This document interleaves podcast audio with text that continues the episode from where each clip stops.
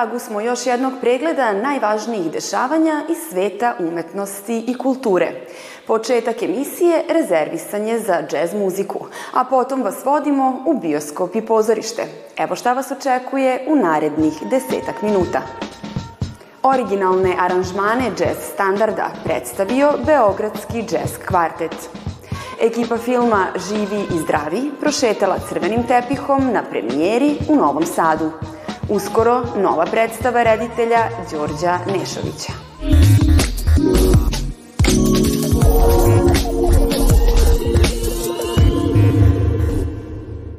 Numere standardnog džez repertoara obojili su originalnim aranžmanima članovi Beogradskog džez kvarteta Miodrag Maljković, Strahinja Banović, Milan Nikolić i Ivan Ilić priredili su koncert u Kulturnom centru Novog Sada. A svoje impresije sa nama deli pijanista i kompozitor Ivan Ilić. Dobrodošli u Arteriju. Dobro večer. U čemu se ogleda vaš pristup džez standardima? Šta je ostalo tradicionalno, a šta je novo u vašim obradama?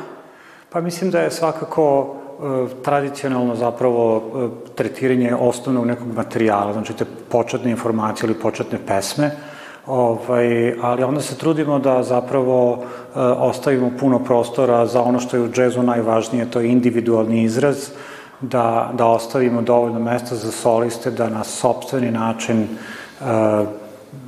doprinesu da, da, da svaka izvedba bude drugačija i autentična. Koliko je izazovno aranžirati numere koje su globalno poznate i čime se vi vodite prilikom pisanja aranžmana?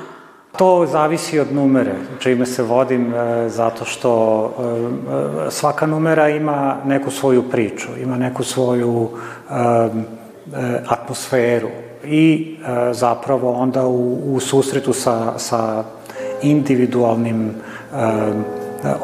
osjećajima i percepcijama ovaj, tu dolazi do zapravo razmene energije gde ovaj, neko možda u bendu ima ideju kako bi aranžman trebalo da počne u kom smeru da se kreće, a zaista imamo tu sreću da je u bendu fantastična grupa muzičara koja lako sarađuje i koja ume e, da e, kroz muziku zapravo ispolji sve svoje što, što, što osjeća i što vidi kako doživljava tu numeru. Tako da, e, mislim, nije to ništa novo, to je, to je suština jazz muzike i bavljenja uopšte improvizacijom na, na neku zadatu temu ovaj, ali je, je važno da se, da se oseti taj lični prostor i da zapravo cela grupa radi sa trenutnim solistom da, da, da, da njegova ideja dođe do izražaja. Budući da ste predsednik Udruženja muzičara džez, zabavne i rock muzike Srbije, kakva su vaša zapažanja o ovim žanrovima i koliko je njihov opstanak ugrožen? Ja moram da primetim da, da u proteklih e, e, možda 5 do 10 godina se pojavio jedan novi talas mladih stvaralaca e, koji uz, uz podršku što države, a što organizacije kao što su Soko i IP, organizacija za prava interpretatora, e, zapravo su dobili jedan prostor da svoju muziku i snime i približe slušalcima i stave na, da, da, da ta nova neka jazz muzika bude dostupna javnosti. Mislim da je to jako važno.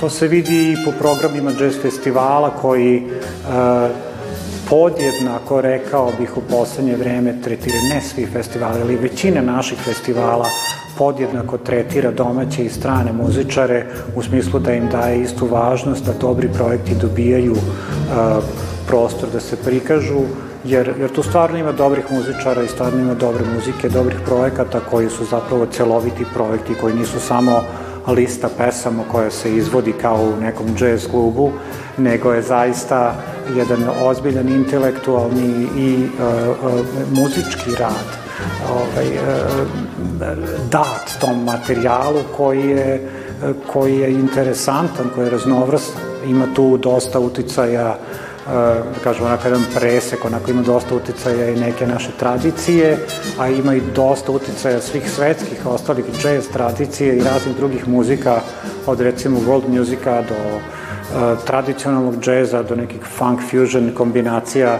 i zaista mislim da je, da je raznovrsnost scene jako važna i da se e, zapravo s, e, sami umetnici, koliko vidim, osjećaju dovoljno hrabro i dovoljno ohrabreno i osnaženo da mogu svoju muziku da, da, da, da plasiraju. Moglo bi biti bolje uvek, naravno, možda bi neki, da kažem, jazz centri ili jazz klubovi u većim gradovima bili dobre ideje, to bi možda mogla na neki način i država da, da potpomogne, zato što bi onda i taj ceo jedan e, krug domaće jazz muzike mogao da dopre do, do većeg dela ovaj, slušalaca publike a, i, i tu bi bilo važno napomenuti da zapravo a, u, u takvom nekom scenariju bi a, se možda i sama jazz muzika i jazz muzičari popularizovali na jedan način koji je zapravo a, prava i autentična srpska umetnost. Hvala lepo na razgovoru. Hvala vam.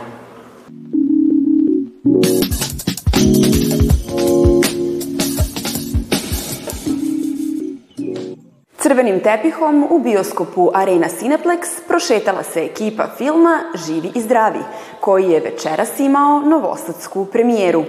Atmosferu donosi Milica Rančić. Cijeli život pravila tradicija, niko jedno pitanje da ne postavi. Alo, ali nema toga. Svadba je u neđelju moram... Ne mora ja ništa. Pa što ćemo sad? Otkazivala se i olimpijade i Eurovizija, ne svadba. Tradicionalni svadbeni običaj, sukobi generacija i emotivni slomovi glavnih junaka kratak je opis novog dokumentarnog ostvarenja Živi i zdravi, koje je premijerno prikazano pred novosadskom publikom u bioskopu Arena Cineplex.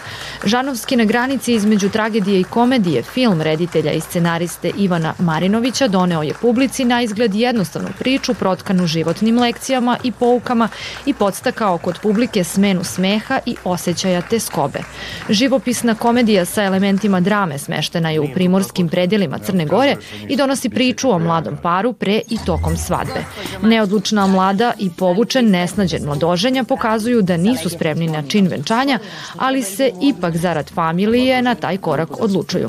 Dirljiva na momente emotivna tragikomedija puna smeha pa čak i groteske na pravi način prikazuje absurdne situacije koje su često deo običaja na ovim prostorima. Onda je bilo zanimljivo igrati se s tim, sa, zapravo omogućiti glumcima da, da se igraju, ne, ne samo da ispunjavaju neke zadatke vezano za karaktere i, i, i tekst i likovi i odnose, već da, da im se stvarno omogući da, da oni to naprave u, u punom svom kapacitetu. Meni je, ja sam u tom u suštini našao uh, tematski oslonac kad je moja generacija u pitanju. Uh, odatle sam krenuo nekim pitanjem kako se mi odnosimo ka braku, porodici, svadbi, ritualu, gdje se mi nalazimo u odnosu na generacije naših roditelja. Kada dobijate scenarij, onda nekako iz pozicije glumca uvijek gledaš kako da spasiš stvari, šta ja, šta ja sad tu mogu dodati, šta mogu oduzeti, šta mogu napraviti da poboljšam taj lik, a ovdje je sve toliko dobro bilo upisano od samog starta da sam imala osjećaj kao da čitam roman, što je zbilja rijetkost i od prvog trena od kad sam čitala scenarij pa kroz cijeli proces i evo sada na premijerama zaista je bio užitak raditi ovom. Ostvarenje koje je svetsku premijeru imalo na Međunarodnom filmskom festivalu Black Nights u Talinu rađeno je u koprodukciji čak šest država – Češke, Slovenije, Severne Makedonije, Hrvatske, Crne Gore i Srbije. Uloge u ostvarenju tumača Tihana Lazović, Goran Slavić, Mirjana Joković, Goran Bogdan, Dragana Dabović, Momčilo Pićurić, Dejan Đonović i drugi.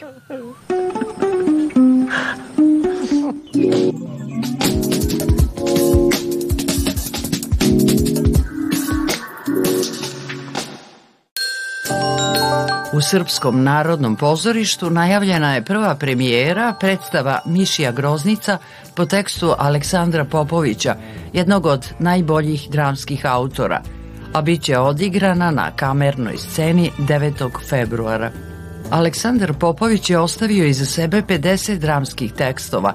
Pojedine drame igrane su godinama u pozorištima, a neke su bile izabranjivane – Dobio je niz priznanja, sterijine nagrade su dodeljene za drame Bela kafa 1991. godine i Tamna je noć 1994. Reditelj drame Mišija Groznica je Đorđe Nešović. Ja nisam ni rođen bio kada je Aca Popović napisao ovaj komad i on je tada m, taj komad je napisan tek kada je počela Jugoslavija da se raspada i definitivno i tada on na neki način predosetio to ta, tu potrebu za mirom i tim nemirom koji je trajao 90-ih. Glavna uloga poverena je Sanji Ristić-Krajnov. On a, kritički razobličuje upravo tog balkanskog čoveka, kao što je, kao što je Đorđe rekao, znači tu neku, tu neku kako kažem, ono, ovaj, pokvarenost, jel, primitivizam, animalnost. Mene raduje što se posle dužeg vremena ponovo na našem repertoaru nalazi jedan Aleksandar Popović i to komad koji do sada, koliko znamo, nije igran, što znači da je neka vrsta praizvedbe.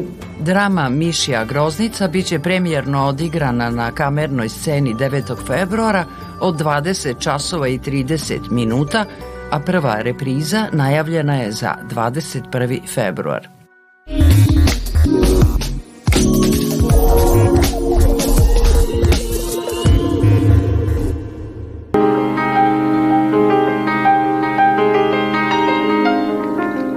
Okviru umetničkog projekta Piano Vertikala švajcarski muzičar Alan Roš u ponedeljak 5. februara izvojao je komad Zimski solstici. Ne bi ova vest bila toliko interesantna da to nije izveo viseći 10 metara iznad zemlje i to u vertikalnoj poziciji. La musique a été composée, elle... Muziku sam komponovao 22. decembra na dan zimskog solsticija. Otuda i naziv dela. Od tada ga menjam svaki dan pomalo u zavisnosti od zvukova prirode koje čujem. Svaki dan snimam na otvorenom, ponekad u veoma ekstremnim vremenskim uslovima, sa mnogo vetra, leda, snega i kiše. I sve me to inspiriše da i dalje transformišem i menjam muzičko delo. Temperatura u Minhenu bila je samo 6 stepeni, ali to nije omelo Roša da izvede svoju kompoziciju. Prirodni zvuci životinja i biljaka prikupljeni su sa različitih lokacija u Bavarskoj. U vodi, ispod zemlje, na biljkama, pomoću uređaja posebno razvijenih za ovaj projekat. Pour moi, l'idée de Ideja kad sunce stoji mirno za mene predstavlja bavljanje transformacijom i učenje. Želeo sam da doživim ovo, da osluškujem prirodu, jer to je večni ciklus. Stavljao sam mikrofone u prirodu i pokušavao da uhvatim zvukove kako bih mogao osetiti kretanje prirode i veoma spore promene. Moja vizija je da ovim projektom promenim kako sebe, tako i muziku. Roš planira da nastupa svakog jutra pre izlaska sunca tokom 182 dana, od solsticija do solsticija, a muzički komad će polako evoluirati od najkraćeg do najdužeg dana u godini. Cilj je da svoje delo predstavi na akustičnom koncertu u Švajcarskoj. Svakodnevne promene u muzičkoj kompoziciji čine da se verzije tog dela mogu čuti samo po jednom na dan svakog od 182 nastupa.